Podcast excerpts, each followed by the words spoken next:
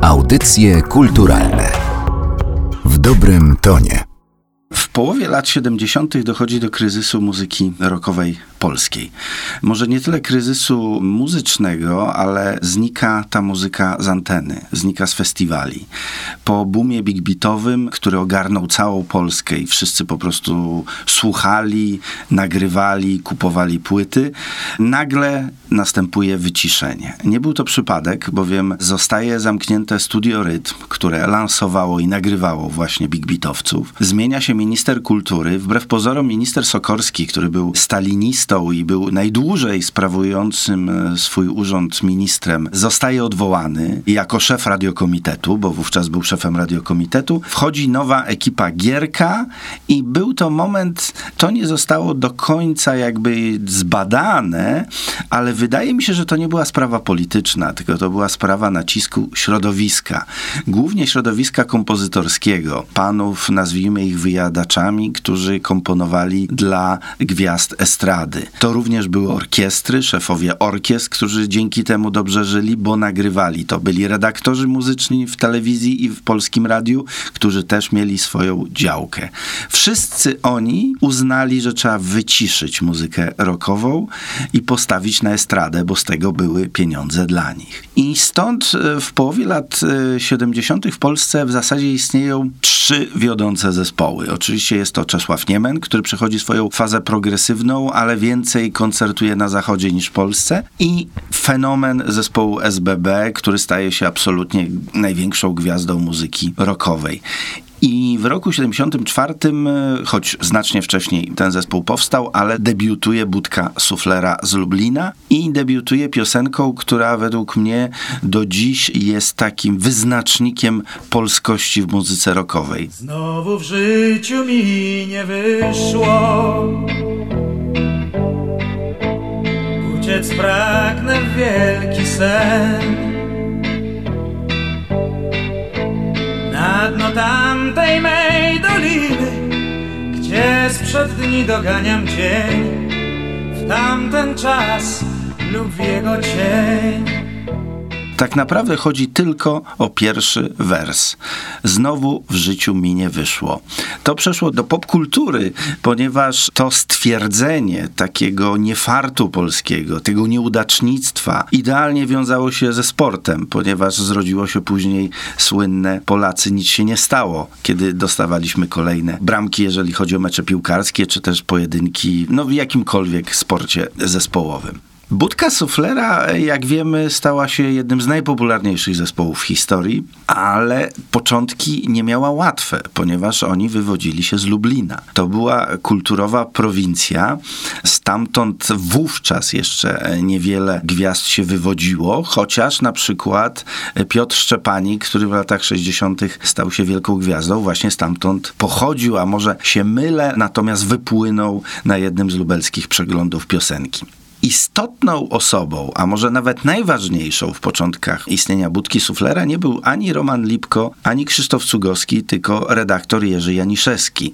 który miał swoje programy w Radiu Lublin. Jerzy Janiszewski w ogóle zasługuje na oddzielny program, dlatego że on był Polakiem, który był na najważniejszych wydarzeniach rockowych na świecie. Z biegiem okoliczności był na festiwalu Woodstock, widział Hendrixa, widział w zasadzie wszystkich, był w Londynie wielokrotnie i oczywiście przywoził płyty. Płyty nietuzinkowe, ponieważ oprócz tego, że oczywiście sam był wielbicielem tej muzyki, która była prezentowana w programie trzecim i sam też tam płyty prezentował, często gościł, to jednak dzięki swoim kontaktom w Ameryce miał większy dostęp do muzyki amerykańskiej. W polskim radiu nie prezentowano zanadto muzyki amerykańskiej, a już w szczególności czarnych wykonawców. Oczywiście przewijały się jakieś piosenki Otisa Reddinga, Jamesa Browna, tych najzacniejszych, ale one były jednokrotnie prezentowane i znikały. Nie było u nas nigdy wielkiego zainteresowania czarną muzyką. I kiedy Budka Suflera otrzymała możliwość wejścia do studia, sami nie za bardzo wiedzieli, co nagrać, choć mieli już repertuar.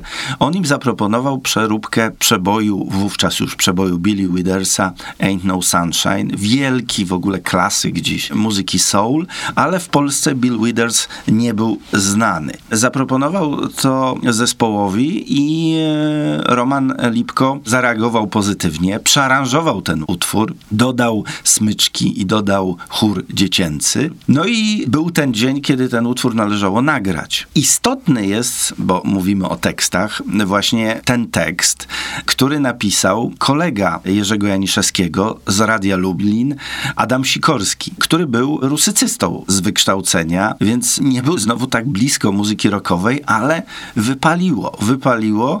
Tak jak mówiłem, najważniejsze było to zdanie znowu w życiu mi nie wyszło. Dalszy tekst piosenki jest, można powiedzieć, takim hipisowskim marzeniem, bo mamy tu właśnie ten sen o Dolinie. Opowieść o tym, że w zasadzie no nie wyszło mi w życiu, więc odchodzę w swoje marzenia. Oczywiście jest miłość, pojawiają się różowe kolory, ale jest ten słynny, zamiast I know sunshine mamy późno, późno, późno, późno jest.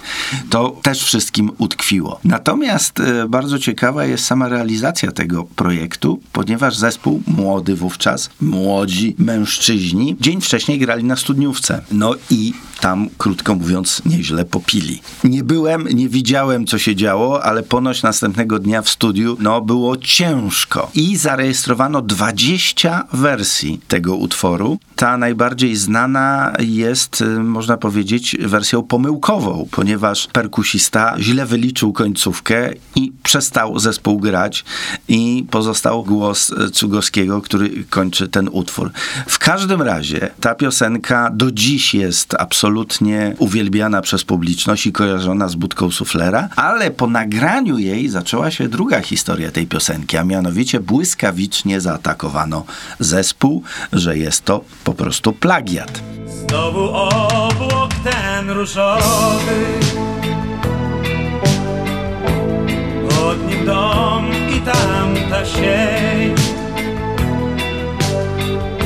Wszystko w białej tej dolinie gdzie sprzed dni doganiam cień. Jeszcze głębiej Zapaść w sen Rzecz wyglądała może trochę naiwnie, ale jak powiedziałem na wstępie, czasy były takie, że jednak rokowców się tępiło, więc każdy przykład był wykorzystywany, żeby ich pogrążyć. Z tego co wiem, ale mogę się mylić, to właśnie Jerzy Janiszewski podpisał ten utwór, e, w sensie nie on go podpisał, tylko wymyślił autora muzyki. I na taśmie było napisane Wilhelm Kempa. Jak kiedyś chyba mi mówił, wynikało to z tego powodu, że debiutujący zespół, który by nagrywał kompozycję zachodnią, to by mogło świadczyć o jego słabości. Wtedy, jak wiemy, w czasach komunizmu wszelkie konotacje z Zachodem nie były mile widziane i można było to utrącić. Więc on z Billiego zrobił Wilhelma, bo tak mu zabrzmiało, a Withers to jest krzaczek, więc on zrobił kępę. Więc to był taki sygnał